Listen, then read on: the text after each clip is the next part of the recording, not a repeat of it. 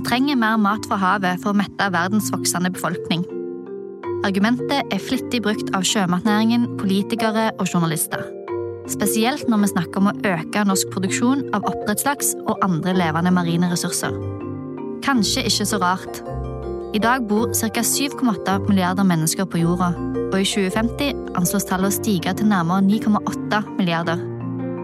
Verdens befolkning øker med ca. 80 millioner i året. I lille Norge har vi et bugnende matfat rett utenfor kysten. Vi er blant verdens største sjømateksportører, og næringen er i rivende utvikling. Så tilsynelatende står vi overfor et ganske enkelt regnestykke. Ved å produsere enda mer sjømat kan vi bidra til å redusere sult og gjøre verden til et bedre sted. Eller er det sånn? Jeg heter Ida Folkestad Soltvedt, og du lytter til Kystpuls, en podkast fra Senter for hav og Arktis.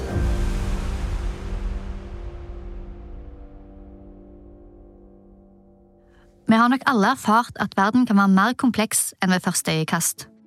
At vi trenger mer mat fra havet, det er en viktig og riktig observasjon som vi skal komme tilbake til. Men når vi snakker om å mette verdens voksende befolkning, så lurer jeg på om vi av og til overser en vesentlig og kanskje litt usexy mekanisme, nemlig fordeling. Derfor, for å nyansere og forklare litt grundigere, har jeg invitert Kalle Moene til en prat. Mitt navn er Kalle Mone og er professor i økonomi på Universitetet i Oslo. I autentisk professorstil har Kalle bustete, hvitt hår, og så er han kanskje litt distré. Han dukka nemlig opp til avtalen vår en time for tidlig og trodde han var 15 minutter for sein. Uansett, og viktigst av alt, så er Kalle veldig opptatt av økonomisk ulikhet og fordelingsspørsmål. Og det er altså grunnen til at han er her i dag. Så derfor spør jeg gjerne først som sist. Vi trenger mer mat fra havet for å mette verdens voksende befolkning. Er det så enkelt? Ja, På en måte er det jo eh, så enkelt at vi trenger mer mat, og havet er en lite utnyttet eh, ressurs i forhold til det som er mulighetene som havet kan gi oss. Jeg skulle kanskje lagt til at jeg er interessert i, i fiskeri som én næring, men jeg har ingen spesialkompetanse i fiskeri eller fiskeripolitikk. Ja, det kan jo være lurt med en liten eh, disclaimer. Det er jo ikke sjømat som jeg kalles ekspertise, men heldigvis er han veldig god på økonomi og fordelingspolitikk. Det er kjekt du sier det. Jeg er i hvert fall interessert meg for det. og det er klart at Dette har med fordeling å gjøre. For skal en eksportere mer mat fra Norge med et kostnadsnivå som vi har i Norge, så må de som skal betale for disse produktene, også ha en, eh, en inntekt som eh, på en måte gjør det regningssvarende. Ellers kan ikke de betale de prisene for norsk fisk som eh, vi må ha for å dekke kostnadene og en rimelig avkastning på det som er investert i, i næringen. Samtidig er det også sånn at eh, de som trenger kanskje maten mest, er de som har den minst kjøpekraftige etterspørselen. Derfor er det ikke så enkelt at det bare produserer mer. Vi, vi, vi kan ikke produsere mer og få det solgt med mindre vi også omfordeler inntekt både mellom land og innad mellom grupper i de enkelte land. Så på et langt perspektiv så er det alltid en forbindelse mellom bærekraftig produksjon og bærekraftig forbruk. Og forbruket må ha, da samsvare med en fordelingspolitikk innad i de enkelte landene. Så hvis jeg forstår Kalle riktig, er det altså mange i verden som trenger mer mat men det nytter ikke nødvendigvis å bare øke matproduksjonen, eller i norsk kontekst lakseproduksjonen, av den grunn. Mange steder så er det for få kalorier folk eh, spiser eh, per uke. Det gjelder barn og det gjelder voksne, og det har eh, konsekvenser som dreier seg om varige hjerneskader, f.eks. hvis du har er underernært. Det er mange andre problemer som er knyttet til dette. Men en kan ikke løse det problemet ved å øke produksjonen av mat. En, kan, en må begynne i den enden sånn at gjør de i stand til å skaffe seg den maten som fins. Og noe av det samme er også den kroniske fordelingskrisen i verden. At uh, de som trenger maten mest, har også minst å kjøpe mat for. Og Da hjelper det ikke med økt produksjon.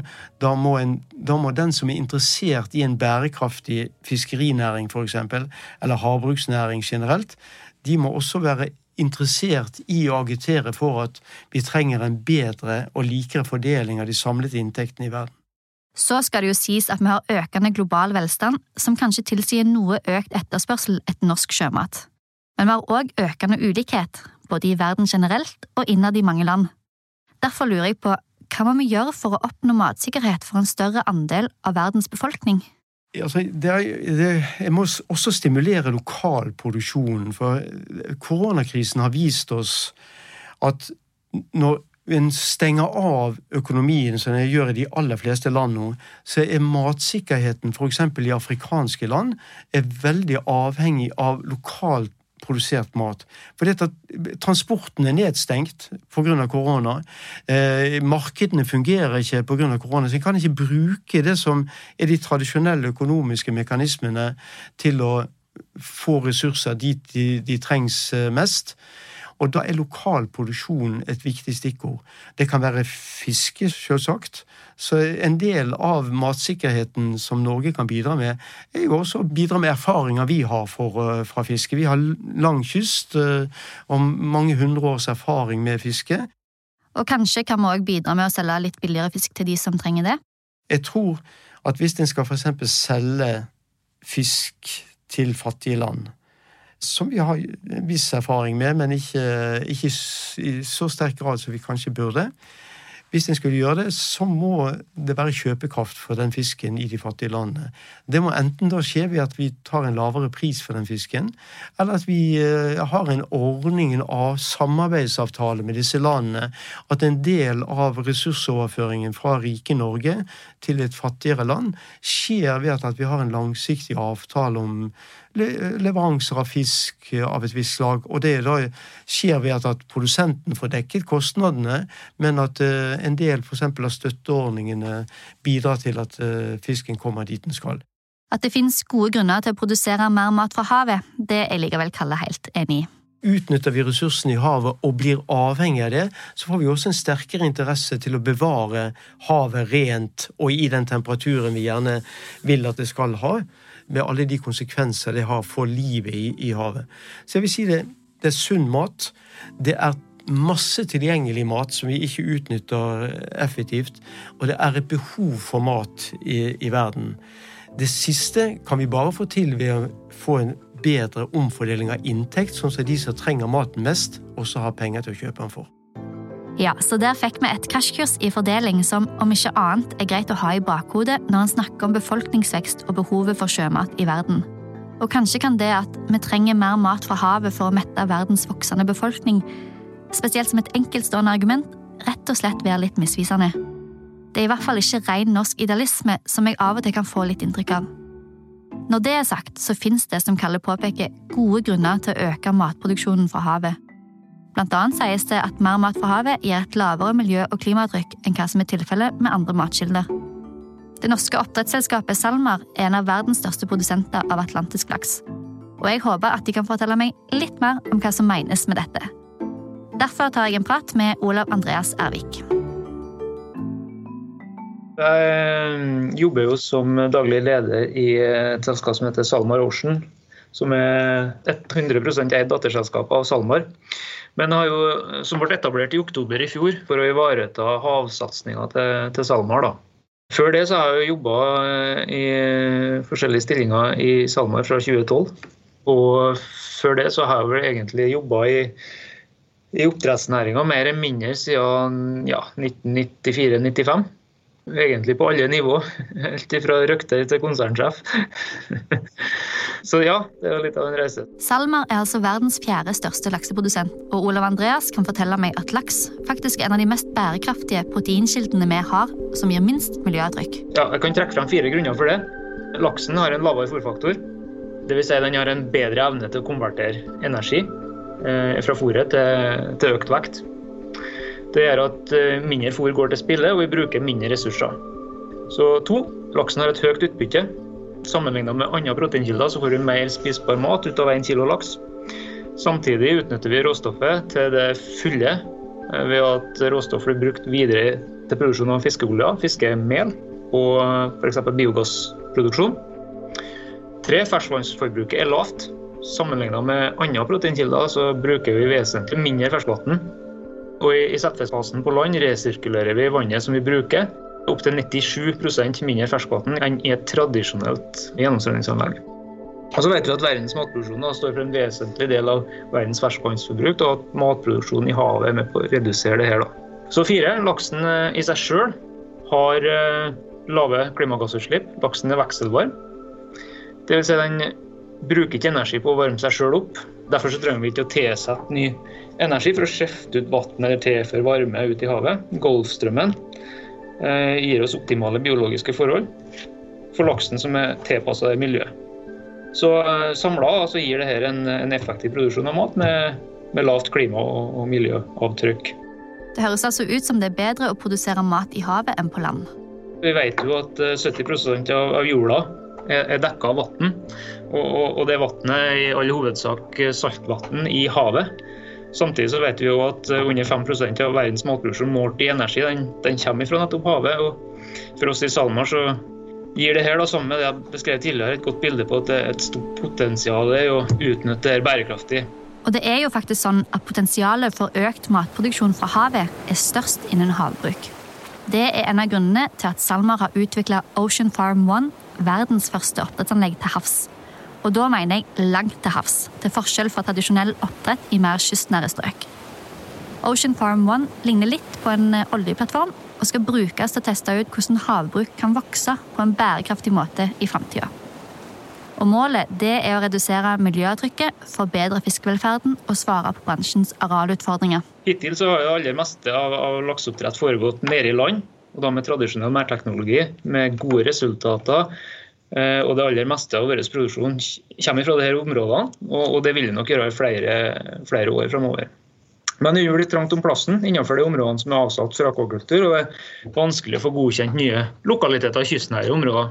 Og så er det også sånn at laksen trives veldig godt ute i havet. Laksen lever som de fleste vet store deler av eh, livet sitt i havet. Vi vet den stortrives der i sitt naturlige habitat. Og eh, med ny teknologi, hvor vi tar med oss kunnskap og erfaringene fra offshoreindustrien, så har vi i samarbeid med verdensledende kompetanse fra leverandører og forskningsinstitusjoner utvikla en ny teknologi som gjør det mulig for oss å bruke områder i havet som, som tidligere ikke var mulig å bruke. Og Det åpner opp for store arealer utenfor kysten. Ute i havstrømmen, hvor de biologiske forholdene er optimale for, eh, for, for produksjon av laks. Men selv om havbruk er en viktig framtidsnæring for Norge og verden, er det òg en næring som utsettes for en del kritikk. Hva er egentlig grunnen til det? Det er flere grunner til det. og Vi, altså, vi er klar og, og, helt tydelige på at uh, både vi i SalMar og næringa har noen utfordringer som, som, vi må løse. Vi har hatt lokaliteter med, med større lusepåslag. Vi har, vi har hatt hendelser som, uh, som påvirker uh, overlevelsesprosenten. Og vi har hatt rømningshendelser. Men samtidig så har vi jo brukt og bruker det som læring for å utvikle oss videre, sånn at vi stadig blir bedre. Å trekke oppdrett ut i havet bidrar til å løse flere av de utfordringene. Eh, og ved å flytte oss ut fra kyststrømmen og tidevannsstrømmen og videre ut i, i, i, havstrømmen til det naturlige habitatet til laksen, så adresserer vi flere av de utfordringene. da. Er det realistisk å tenke at vi i Norge skal produsere mye mer mat fra havet i dag? Ja, altså, det er det absolutt. Og, og det er jo tildelt en vekst i Norge i, i år òg, men skal vi virkelig ta de store stegene og femdoble produksjonen innenfor akvakultur til 2050, som er et uttalt mål, så, så er det klart at da, da, må vi gjøre det på nye arealer. Og Noe av det kan være på land, noe av det kan være i lukka enheter. Og så tror vi da at, at den største andelen av det vil kunne skje til havs. Tross enkelte utfordringer er lakseoppdrett en viktig næring Totalt har havbruk den fjerde høyeste verdien blant all næringsvirksomhet i landet. Men fortsatt utnytter vi kun en liten del av de enorme ressursene som finnes langs kysten og i havområdene våre. Det er det egentlig litt fint å tenke på. I framtida må nemlig maten fra havet òg bestå av andre og så langt uutnytta arter hvis produksjonen skal øke. Høsting av tang og tare er ett eksempel som spås stort potensial, og i Nord-Norge er allerede flere produkter på markedet. Du fikk kanskje med deg eh, sørlandschips med tannkrydder. Den er det faktisk Lofoten Seaweed som står bak. Hovedsakelig så er jo vi en lokalmatprodusent. Vi høster viltvoksende tang og tare, og vi plukker tang i fjæra. Vi lufttørker i et tørkeri som vi har, og vi maler opp og eh, foredler den tanga til dryss, salter Og vi jobber med egne produkter, som vi har en pasta med butare, og vi har sjokolade med tang og såpe. Så her er det forskjellige kategorier å bruke tangen i. Vi har flydd inn til Leknes for å møte hun du nettopp hørte stemmen til. Altså gründeren bak Lofoten Seaweed, Angelita Eriksen. Jeg er fiskerdatter. Jeg har vokst opp i et lite fiskevær i Lofoten som heter Napp. Og nå virker det kanskje som at Angelita har bodd hele sitt liv på denne plassen. Men det stemmer ikke helt. Hun er faktisk utdanna fysioterapeut og har bodd og jobba mange år i Oslo. Men det ble nå fort uh, til at uh, det var ganske mye stress, og at uh, savnet etter havet og fjellene og familien også meldte seg. Så da, for fem år siden, så flytta jeg tilbake til Lofoten. Slutten på livet i Oslo ble starten på Lofoten Seaweed, selv om det nok er litt tilfeldig at det endte akkurat sånn. Jeg eh, hadde begynt å gjøre research um, på tang og tare for egen helse, rett og slett. Jeg var opptatt av å spise ren mat og hvor maten kommer fra, og spise næringsrik mat, altså for min egen helses skyld. Og etter hvert som jeg begynte å lese, så ble jeg bare blown away, som man sier på godt norsk. Jeg, jeg bare oppdaga for en fantastisk ressurs vi har liggende rett utafor døra. Og mens jeg satt i rorbua der, så ser jeg jo rett utfor døra at men herregud, det er jo enorme mengder her. Hvorfor er det ingen som gjør noe med det? Angelita tok kontakt med venninna si Tamara, som i dag utgjør den andre halvdelen av Lofoten Seaweed. Hun er oppvokst på New Zealand, er halvt japansk og har spist tang og tare i maten siden hun begynte med fast føde. Så øh, bare fant vi ut at det her kan vi rett og slett ikke la være å gjøre. For vi har verdens beste råvarer rett utenfor døra, og vi har nå verdens eldste tradisjoner for bruk av tang og tare i mat fra Tamara sin måtte, arv. da. Så Tamara flytta nordover med familien sin, og nå er vi begge her og har starta Lofoten Seaweed i 2016. Og siden da så har det jo vært eh, et lite eventyr. Og det er jo ikke bare bare å si opp faste jobber og flytte halve jorda rundt til fordel for gründertilværelsen. Så jeg må si, jeg lurer litt. Hva er det egentlig som er så bra med tang? ja, eh, hvor skal jeg begynne?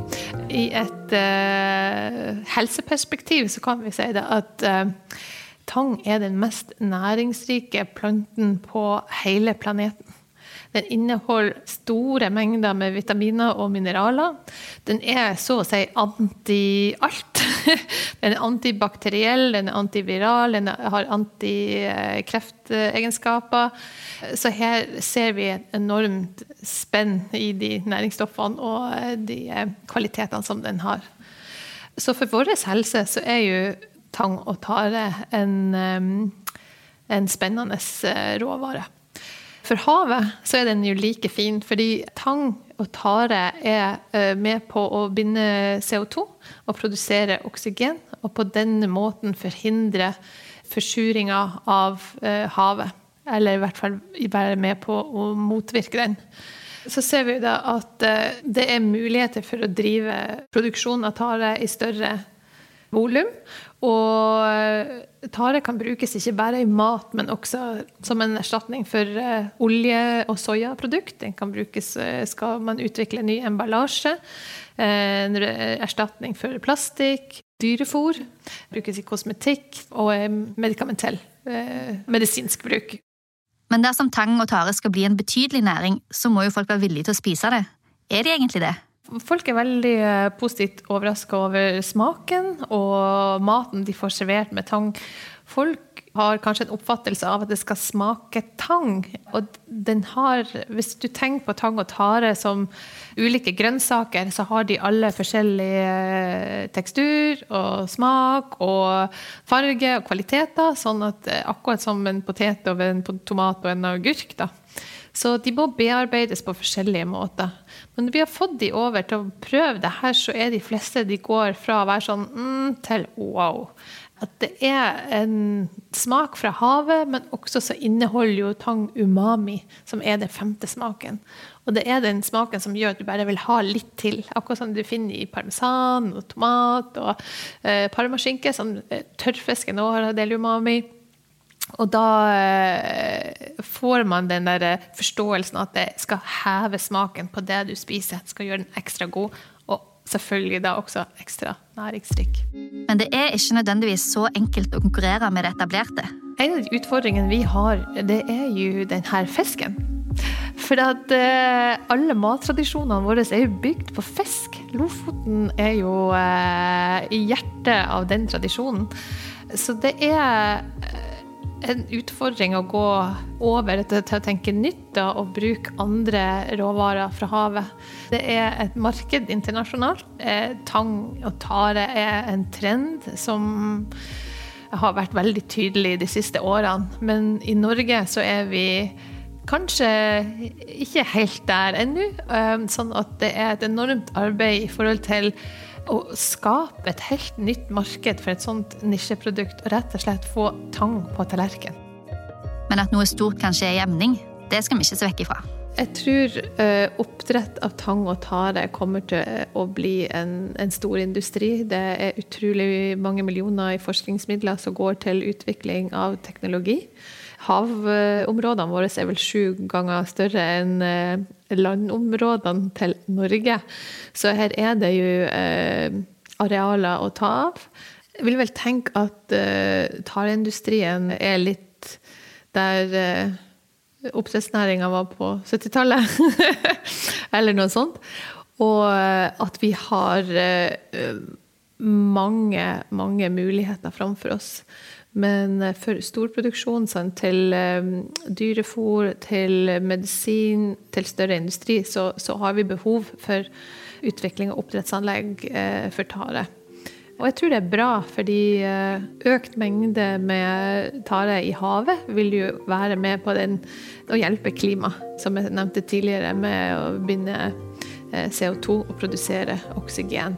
Så det er jo egentlig en win-win hvis vi klarer å, å, gjøre det her på en fornuftig og bærekraftig måte. Så kan norsk sjømat redde verden? Tja. Å produsere mer mat fra havet for å mette verdens voksende befolkning er i hvert fall et argument som kan utfordres. Men at mer mat fra havet likevel er viktig, det er vi nok mange som kan enes om. I tillegg til at mat fra havet er sunt, næringsrikt og høyt utbytte, kan òg økt matproduksjon fra havet bidra til mindre produksjon av kjøtt på land, friere landjord, og er rett og slett en mer miljø- og klimavennlig matforsyning. Og at Norge, med både kunnskap, erfaring og naturgitte fortrinn, kan være med å lede an i denne utviklingen, det er jeg ganske sikker på. Og jeg syns i grunnen at Angelita oppsummerte svaret på en nøktern og fin måte. Vi kan jo gjøre et eh, jævlig godt forsøk. kan ikke det. Vi kan, eh, vi kan i hvert fall gjøre den bedre.